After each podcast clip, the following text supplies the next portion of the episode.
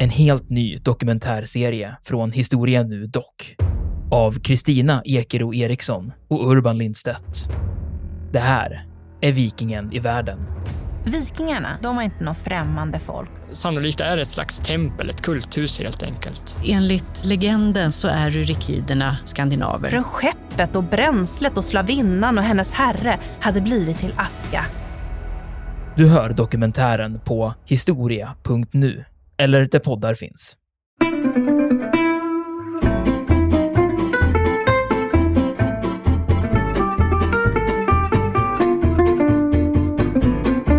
Det finns ju faktiskt eh, en anekdot som gör gällande att Roland Hills såg då en piga på den brittiska landsbygden som fick ett brev med massa märkliga symboler på omslaget då, som hon fick då på postkontoret där han var observerade. Hon kollade på omslaget och lämnade tillbaka det. Så frågade vad, vadå, ska du inte ha det här brevet? Det är för din pojkvän verkar det som. Ja, men kolla här så var det något hjärta. Det visar att han mår bra. Jag behöver inte läsa innehållet. Ja, det är Eh, listigt. Ja, precis. Precis.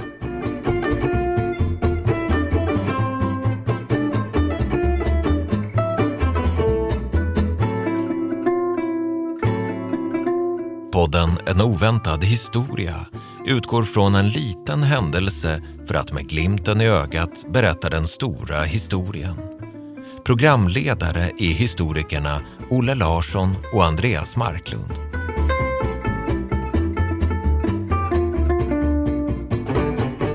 Tjena Olle! Hallå Andreas! Hur står det till?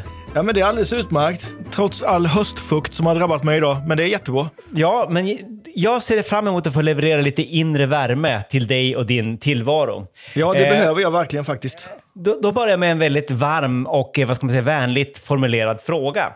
Visste du att både John Lennon och Freddie Mercury var passionerade frimärkssamlare? Nej, det hade jag verkligen ingen aning om.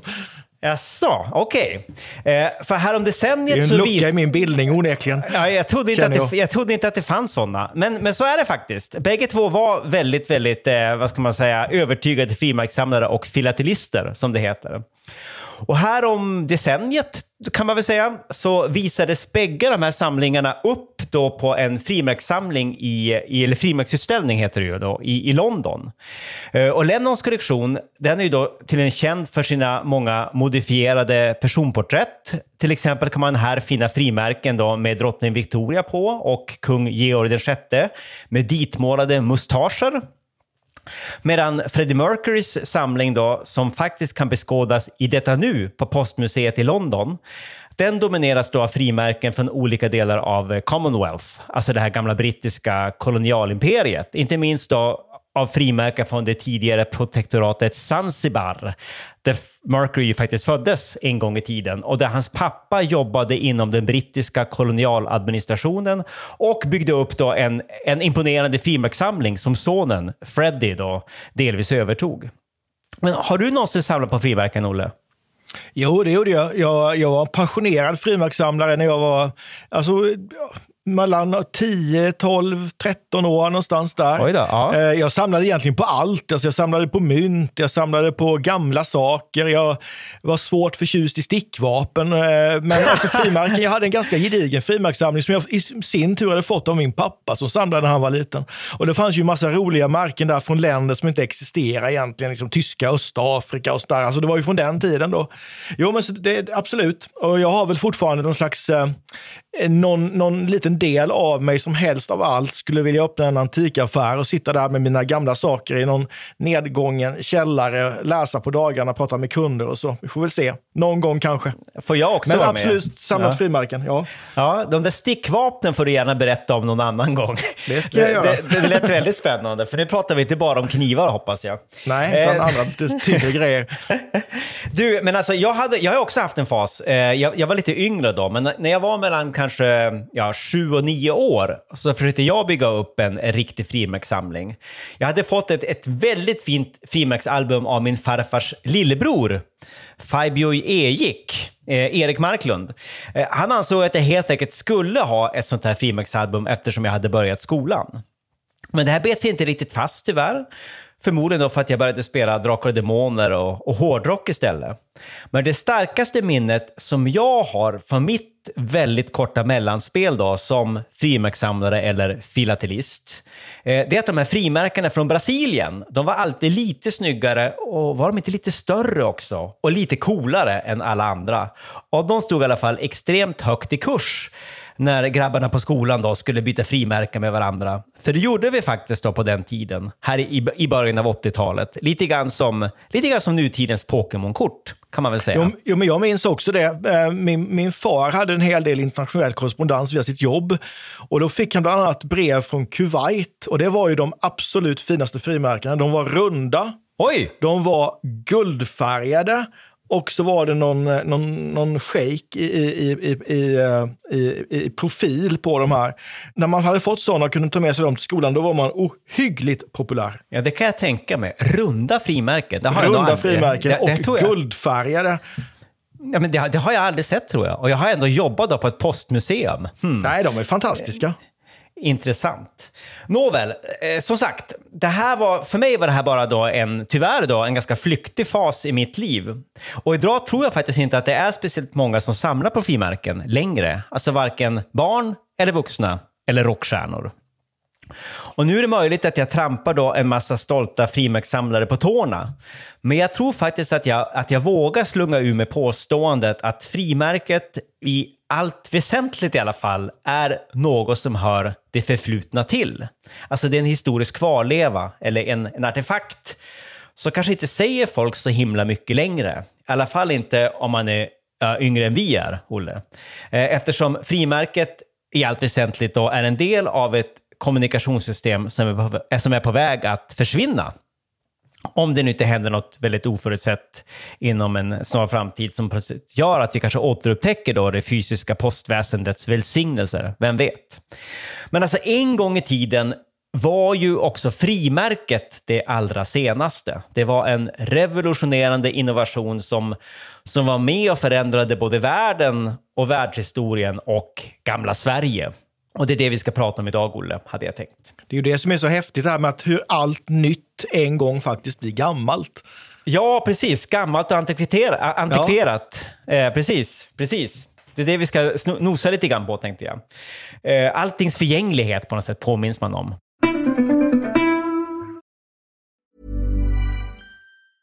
Ready to pop the question? The jewelers at BlueNile.com have got sparkle down to a science with beautiful lab grown diamonds worthy of your most brilliant moments. Their lab grown diamonds are independently graded and guaranteed identical to natural diamonds, and they're ready to ship to your door. Go to BlueNile.com and use promo code LISTEN to get $50 off your purchase of $500 or more. That's code LISTEN at BlueNile.com for $50 off. BlueNile.com code LISTEN. Many of us have those stubborn pounds that seem impossible to lose, no matter how good we eat or how hard we work out. My solution is PlushCare. PlushCare is a leading telehealth provider with doctors who are there for you day and night to partner with you in your weight loss journey. They can prescribe FDA-approved weight loss medications like Wagovi and Zepbound for those who qualify.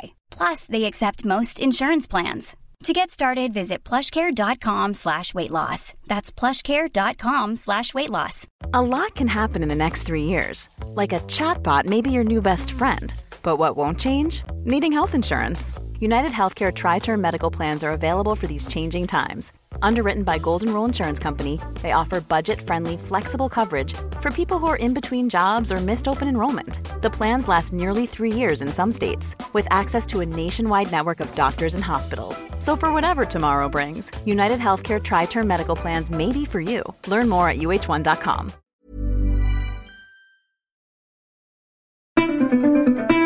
Vi förflyttar oss tillbaka i tiden nu tänkte jag, till, till julen 1885. Och vi befinner oss på gården Västermunga i Rom, eller Romfortuna, som ligger lite mer än en mil norr om Västerås. Och nu när jag säger det här Romfortuna så känner man ju att här måste det ligga en romfarare begravd eller något sånt där. Det verkar som så. Ett väldigt intressant ortsnamn. Med lite getusistisk läggning så skulle man kunna hitta på en jättebra historia kring detta. Exakt, det får vi spinna vidare på någon annan gång. Men det kanske var där allting började egentligen. Alla vägar leder till Romfartuna. Men i alla fall, här på Västermunga eh, 1885 befinner sig den 14-årige gossen Georg Wilhelm Backman. som egentligen bor i Stockholm, där han pluggade på läroverket på Norra Latin. Men just nu så har han då åkt hem till mormor i Västmanland för att fira jullov tillsammans med sin mamma. Unge Georg är tyvärr då faderslös.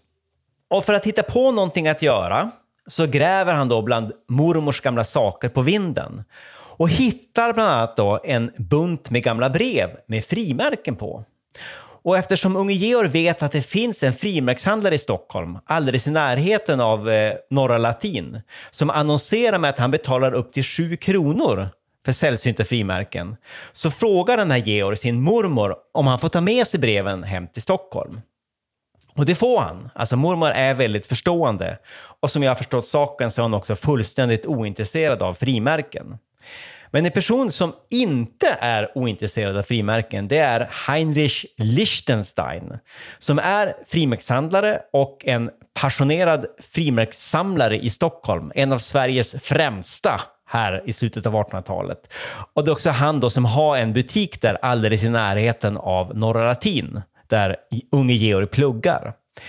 Och den här Liechtenstein, han blir ganska upphetsad när Georg visar då vad han har hittat på sin mormors vind. Och det är särskilt ett av fynden som får Liechtensteins hjärta att bulta snabbare. Det är ett frimärke poststämplat den 13 juli 1857 i Nya Kopparberget. Och det är ett gult, eller egentligen då lätt orange frimärke med en valör på 3 shilling. Vilket borde vara omöjligt, det vet Liechtenstein. Treskillingar är gröna. Det är åtta skillingar som är gula. En gul treskilling är en absurditet, en filatelistisk anomali som egentligen inte borde existera överhuvudtaget. Så Liechtenstein han sträcker sig efter sin portmonnä och pungar ut med sju kronor för den gula treskillingen. Och det här är ju då flera hundra kronor i, i, i nutidens penningvärde. Eh, så lyckan är gjord för unge Georg Backman. Han, han firar genom att gå på kondis, där han bland annat då bränner av slantarna på sockerdricka och äppelmunkar. Och vi kommer att återvända till den här gula treskillingen lite senare i programmet. Nu tänkte jag att vi ska försöka sätta in den här tilldragelsen i ett lite större och lite mer världshistoriskt sammanhang. Med frimärket i fokus förstås. Eh, så Olle, när uppfanns frimärket och vad var det som var så himla revolutionerande med denna till ytan ganska oansenliga lilla papperslapp? Ja, alltså svaret på den frågan beror ju lite grann på hur man väljer att definiera, alltså vad är ett frimärke? Men för att göra en lång historia kort kan man väl säga ungefär så här att det som anses vara världens första frimärke, det är ett brittiskt märke från 1840 som heter One Penny Black. Och det här var liksom en del, då får man se i ett större sammanhang, det här är en del av en stor brittisk eh, postreform. Men det kan alltså ha funnits frimärken tidigare, därför att eh, ett frimärke är ju egentligen, det är ju ett kvitto kvitto kan man säga som, som intygar att man har betalat för att någon ska bära iväg med det här brevet åt en faktiskt. Och sån här har ju funnits lite tidigare. Alltså eh, i Paris på 1600-talet hade man någonting som liknade frimärken, alltså någon slags, liksom, någon slags remsa, eh, billet de poste som man sydde fast på kuverten med nål och tråd. Alltså det är ju någon slags variant av frimärke, så kanske då är, är frimärket ursprungligen franskt. Då. I, i, ja. um, men inte så användarvänligt kanske? Nej, inte alls användarvänligt. Och liknande saker fanns ju i flera europeiska äh, länder under, äh, under äh, 1600 och 1700-talet. London hade ett liknande system. Men alltså, det här är ju det var också, det, här, de här, de här var, det var en lokal funktion. Alltså det var ju att bära, bära brev i Paris eller bära brev i London. Då, utan de här nya frimärkena som det här One Penny Black, alltså de, de var ju rikstäckande. Just alltså, det, gällde ju hela landet då. Precis, de tiden moderna hörde till Stadsposten. Ja, men precis. Pennyposten, precis. precis, precis. Och så var det ju något som gör det här, så är det alltid när man liksom zoomar in på de här stora uppfinningarna. There are many claims to fatherhood, eller vad man ska säga. Det fanns någon tjänsteman inom den österrikiska postadministrationen som ungefär samtidigt som britterna gick igång då med sin stora postreform där i mitten av 1830-talet, alltså det som ledde fram till One Penny Black. Ungefär samtidigt så föreslog då den här mannen eh, då för sina chefer att, att man skulle införa någon slags frimärksliknande innovation för att effektivisera postgången då inom det Habsburgska Europa, alltså Centraleuropa. Och den här posttjänstemannen hade ju slovenska rötter, som jag har förstått det. Han, han var född i Ljubljana och hette Lovrenc Kosir. Så man, man, om man läser då filatelistisk och posthistorisk litteratur kan man också hitta uppgifter om att det egentligen var Österrike eller Slovenien eller lite äldre litteratur, till och med då Jugoslavien kan det hänvisas till. Att man, det påstås att det, var här som världens första frimärken egentligen skapades. Då. Men som jag har förstått det var det här bara en, en skrivbordsprodukt. Alltså det, det blev aldrig implementerat. Istället är ju den här britten då Roland Hill som brukar få äran för att skapa ett världens första egentliga frimärke. Och han är ju jättespännande tycker jag. En ganska torr men samtidigt engagerad typ. Alltså han var i grund och botten skollärare, kom då från en, en, en lång tradition av brittiska lärare. Man var också väldigt socialt engagerad, en socialt engagerad medborgare som då förfasades över hur otroligt dyr och ineffektiv och allmänt oberäknelig som då postgången var i, i Storbritannien. Till att börja med så var då, alltså liksom de flesta europeiska länder på den här, vid den här tiden då, så var det ju då mottagaren av brevet och inte avsändaren då, som skulle betala avgift, alltså porto till postväsendet vid brevförsändelser. Och dessutom var priset ofta väldigt högt och det var väldigt svårt att räkna ut i förväg eftersom priset var baserat på avstånd och eftersom postlinjerna ofta gick då genom lokalområden där man hade olika besynnerliga extra pålägg, extra avgifter då, baserade på grindöppning och passage över broar och allmän väghållning och sådana här saker. Ja, man blir lite förtjust i den här eh, Roland Hill, alltså, hans, hans, alltså att han faktiskt eh, han ser ju det här också ur, ur ett, eh, ett, ett, socialt perspektiv. Alltså han, det här gamla systemet med de höga kostnaderna, det var ju i högsta grad orättvist och odemokratiskt. Alltså han vill tycka, men vadå, varför ska inte vanliga människor kunna liksom använda sig av brevmediet för kommunikation? Alltså det är ju, dels handlar det om rättvisa, men vi rör oss ju nu också i en tid där vi har ett samhälle som är i rörelse. Människor lämnar landsbygden, de flesta som lämnar är yngre, ger sig in till städerna i den här stora urbaniseringsprocessen. Ska de inte kunna få ta emot budskap, alltså brevnyheter hemma, hemifrån för att de inte har råd? Så det är ju, jag tycker det är en rätt fin tanke och han presenterar ju det här då i sin, den här kända pamfletten, alltså med Post Office Reform, Its Importance and Practicability. Det är en fantastisk titel också. Ja, verkligen. Eh, så, va? Ja. Och liksom, ja, men nu ska vi börja, vi ska ha ett lågt och det ska vara ett enhetligt pris. Alla ska ha liksom råd att, eh, att använda den här tjänsten. Priset ska vara en penny.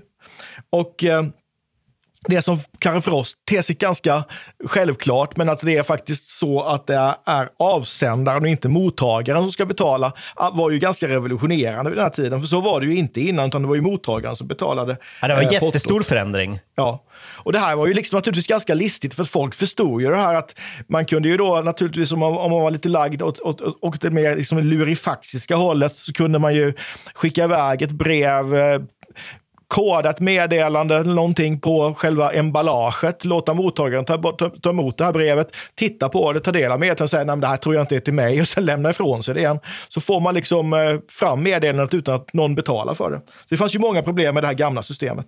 Precis.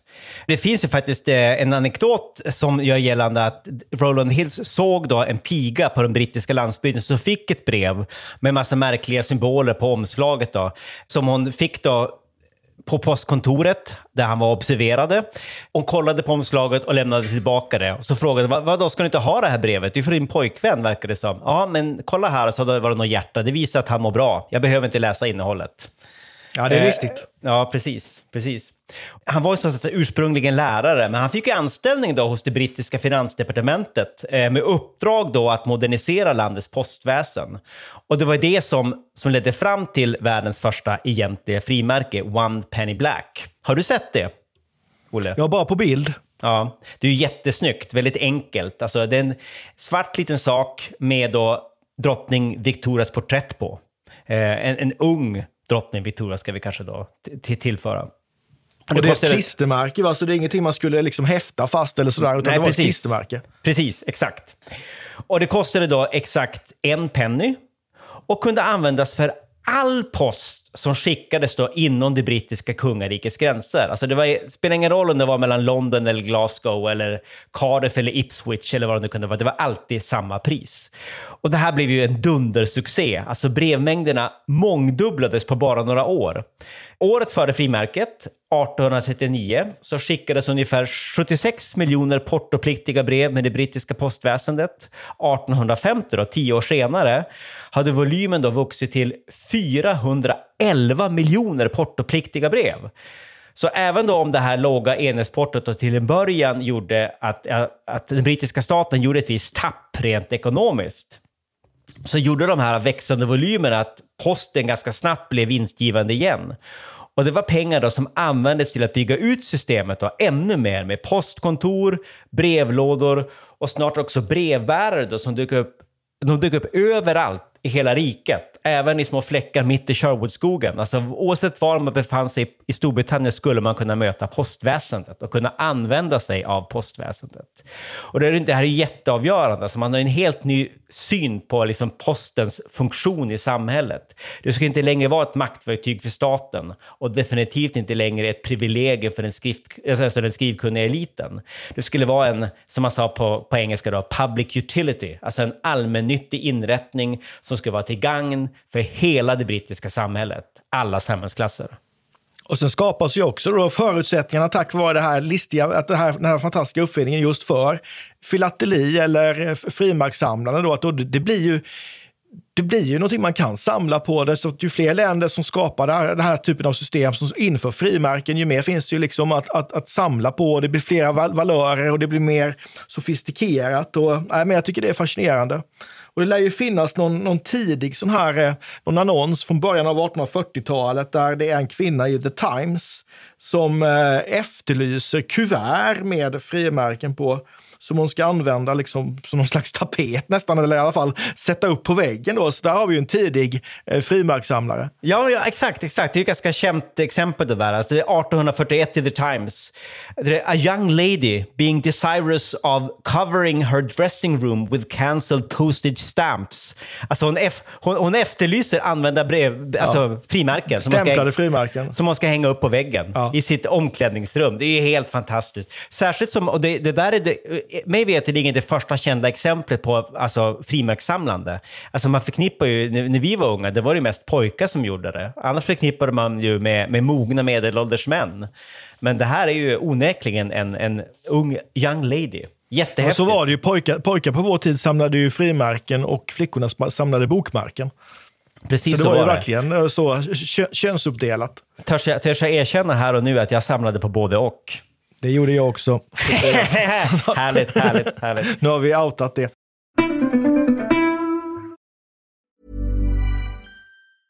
This Mother's Day, celebrate the extraordinary women in your life with a heartfelt gift from Blue Nile. Whether it's for your mom, a mother figure, or yourself as a mom, find that perfect piece to express your love and appreciation. Explore Blue Nile's exquisite pearls and mesmerizing gemstones that she's sure to love. Enjoy fast shipping options like guaranteed free shipping and returns. Make this Mother's Day unforgettable with a piece from Blue Nile. Right now, get up to 50% off at BlueNile.com. That's BlueNile.com. Ryan Reynolds here from Mint Mobile. With the price of just about everything going up during inflation, we thought we'd bring our prices down. So to help us, we brought in a reverse auctioneer, which is apparently a thing. Mint Mobile unlimited premium wireless. Have to get 30, 30, bit to get 30, bit to get 20, 20, 20, bit to get 20, 20, bit to get 15, 15, 15, 15 just 15 bucks a month. So, Give it a try at mintmobile.com/switch. slash $45 up front for 3 months plus taxes and fees. Promo for new customers for limited time. Unlimited more than 40 gigabytes per month slows. Full terms at mintmobile.com.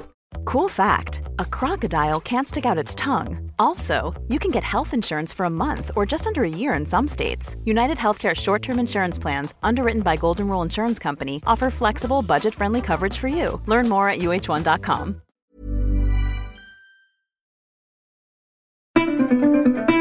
Nu befinner vi oss ganska långt från Västra Mungagård i Västmanland. Eh, och det här spektakulära fyndet som unge Georg Backman gjorde då på sin mormors vind här under jullovet 1885-1886. När kom frimärket till Sverige egentligen, Olle? Vet du något om det?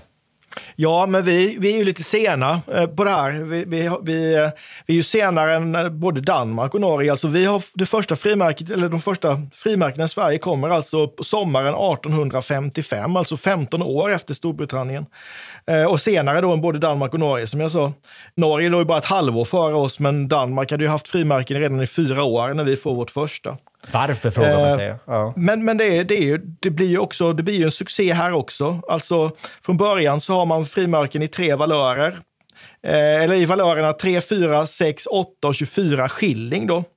Fyra var det vanligaste, det var liksom det som var det gängse, som det ofta kostade då att, att skicka ett, ett, brev, oavsett då vad det här skulle, skulle gå.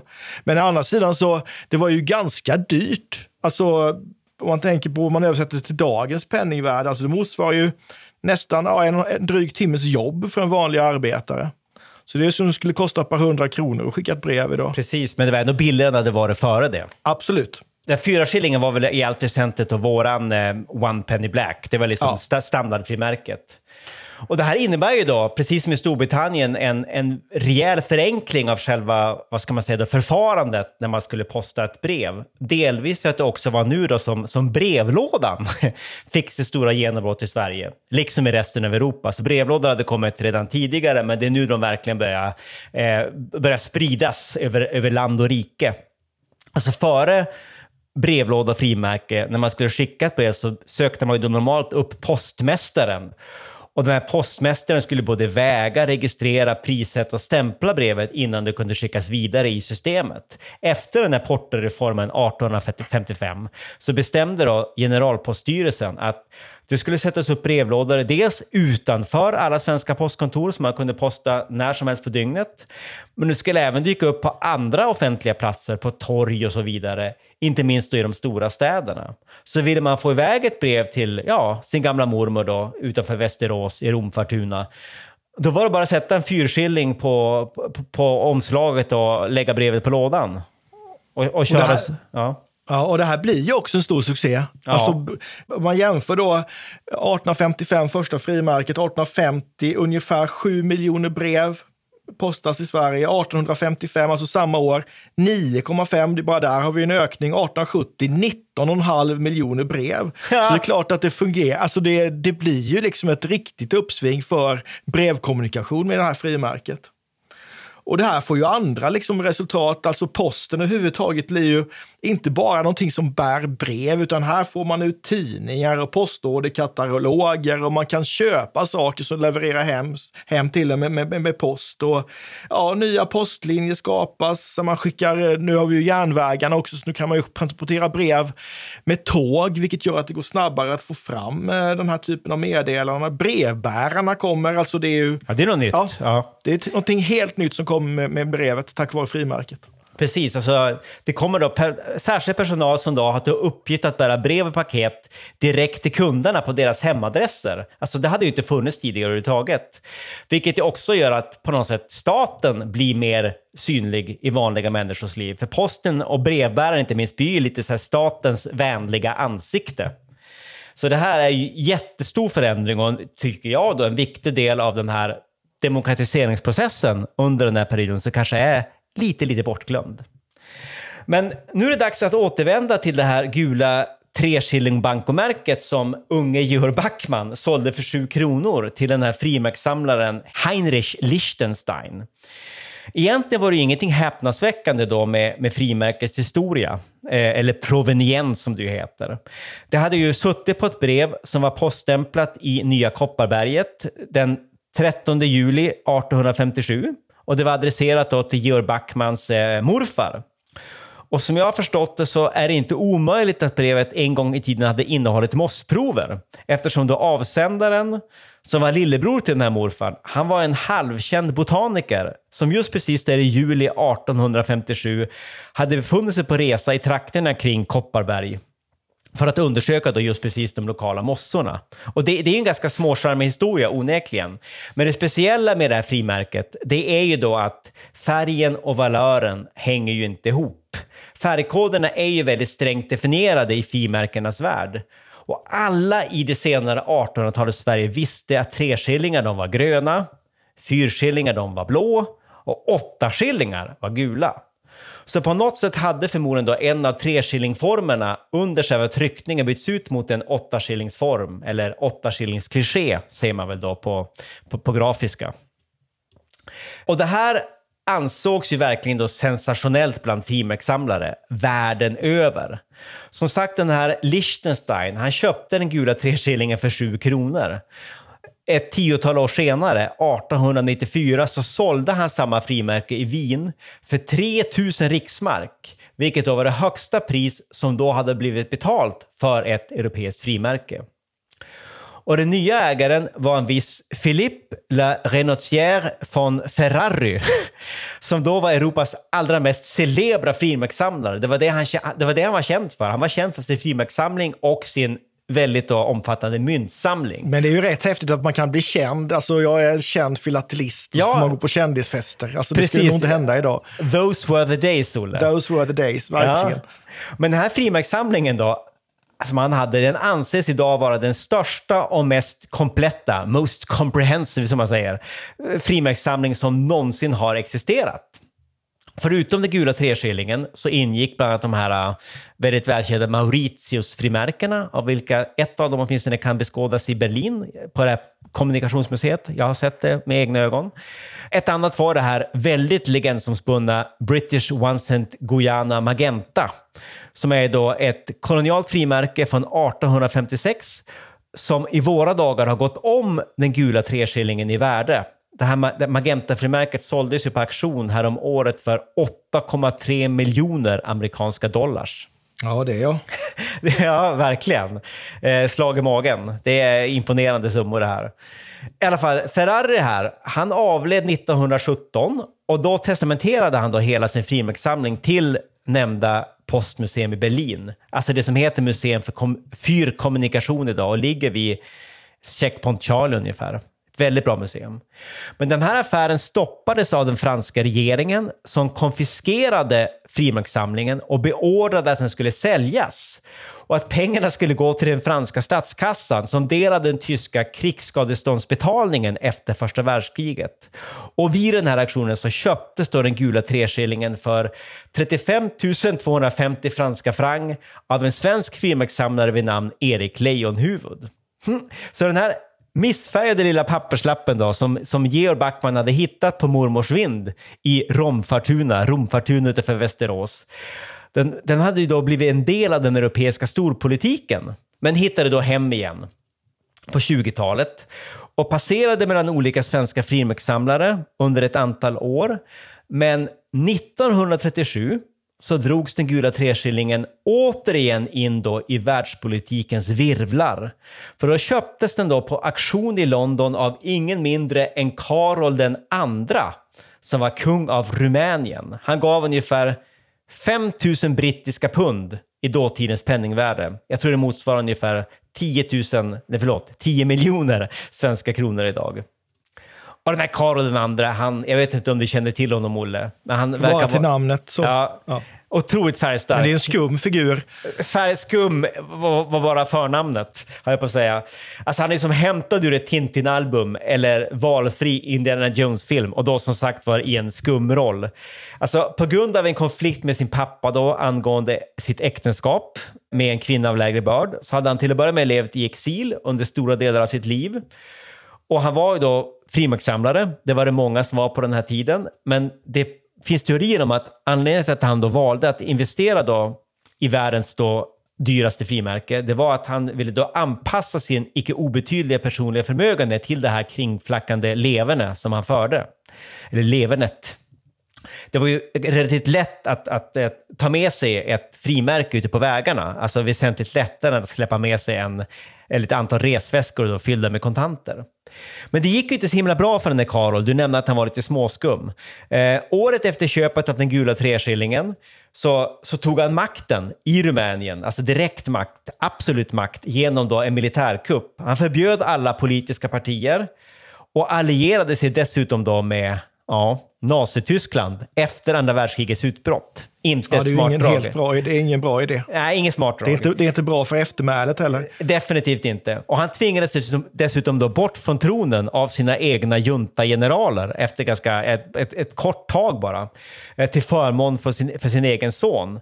Så han hamnade snart, snart hade han då återigen i exil och var nu dessutom då i bad standing hos de allierade. Men han gömde sig i Portugal hos den här eh, diktatorn Salazar tillsammans då med sin fru och sitt, eh, sitt dyra frimärke som han då sålde 1950 till en eh, tysk privat frimärkssamlare för en okänd pengasumma. Och nu föll den gula treskillingen lite grann i glömska ett antal år, men på 1960 och 1970-talen, eller framförallt på 70 och 80-talen då, så hamnade den återigen då i, i tidningsspalterna. Dels så utvecklade sig en ganska eldfängd debatt i filatelistiska kretsar då, om huruvida frimärket egentligen var en förfalskning eller ej. Och sen såldes den både 1984, 1990 och sen 1996 för sensationellt höga auktionspriser som då hela tiden slog nya världsrekord. Men sen 2013 kom frimärket återigen i svenska händer då det förvärvades av den icke helt okända finansmannen och frimärkssamlaren Gustav Douglas för en okänd pe- pengasumma. Men det var väsentligt högre då det här priset än de 15 miljoner svenska kronor som hade pungats ut för den gula treskillingen vid en auktion i Köpenhamn 1998. Och det är den senast kända försäljningssumman. Douglas själv pratade gärna om den gula treskillingen, men han vägrade prata om priset. Alltså det handlade om mycket annat än, än pengar det här. Han, han, han sa till SVT 2015 i samband med att eh, den gula treskillingen visades upp i Stockholm på en filatelimässa att det här med, jag vill inte tala om det här eftersom jag inte har köpt frimärket av den anledningen. Och det är inte under några omständigheter till salu. Så det här liksom handlar om någonting större eh, än, än bara pengar och usel mammon.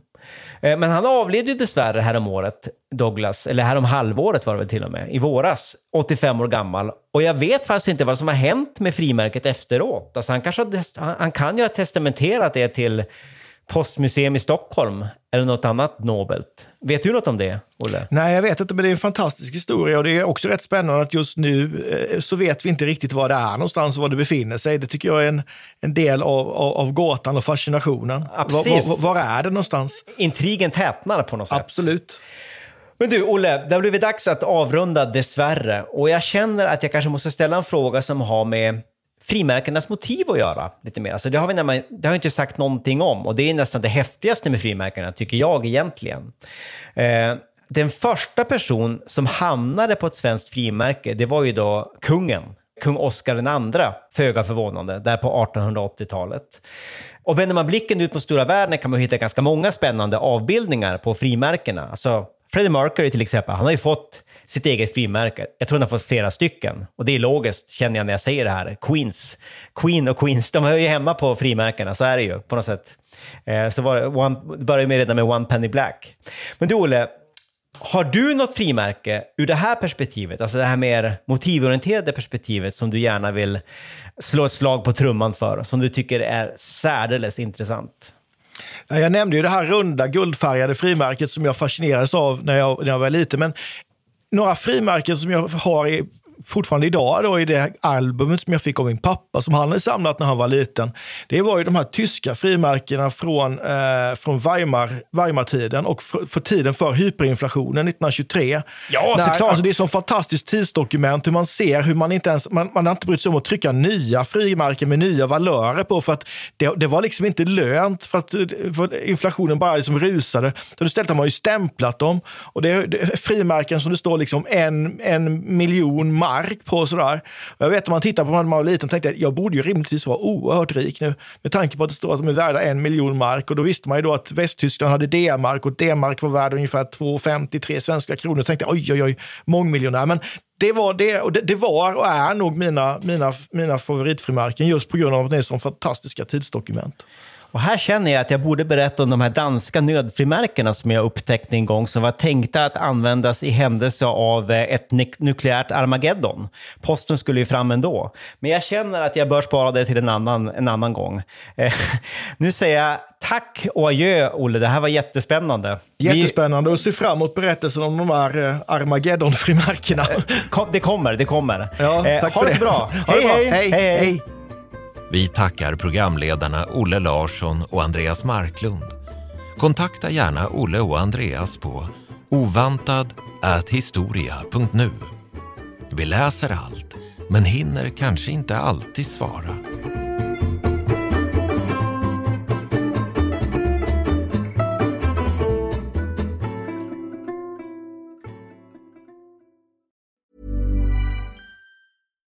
Deserves the best, and there's no better place to shop for Mother's Day than Whole Foods Market. They're your destination for unbeatable savings, from premium gifts to show-stopping flowers and irresistible desserts. Start by saving 33% with Prime on all body care and candles. Then get a 15-stem bunch of tulips for just $9.99 each with Prime. Round out Mom's menu with festive rosé, irresistible berry chantilly cake, and more special treats. Come celebrate Mother's Day at Whole Foods Market. Planning for your next trip? Elevate your travel style with Quince. Quince has all the jet setting essentials you'll want for your next getaway, like European linen, premium luggage options, buttery soft Italian leather bags, and so much more. And is all priced at 50 to 80% less than similar brands. Plus, Quince only works with factories that use safe and ethical manufacturing practices. Pack your bags with high-quality essentials you'll be wearing for vacations to come with Quince. Go to quince.com slash pack for free shipping and 365-day returns. Mom deserves the best, and there's no better place to shop for Mother's Day than Whole Foods Market. They're your destination for unbeatable savings, from premium gifts to show-stopping flowers and irresistible desserts. Start by saving 33% with Prime on all body care and candles. Then get a 15-stem bunch of tulips for just $9.99 each with Prime. Round out Mom's menu with festive rosé, irresistible berry chantilly cake, and more special treats. Come celebrate Mother's Day at Whole Foods Market. Iran har under 1900-talet genomgått tre omvälvande revolutioner som orienterat landet antingen mot västerlandets modell eller mot en auktoritär styrelseform. Idag pågår en social revolution i landet som vänder sig mot det islamistiska styret och vars anhängare har Europa och väst som förebilder. I en viktig bok ger idéhistorikern Mohammad Faslashemi en djupare förståelse för dagens dramatiska händelseutveckling. Iran mellan tre revolutioner är utgiven av förlaget Historiska Media. Beställ den fysiska boken på förlagets hemsida historiskamedia.se eller köp den i en bokhandel nära dig.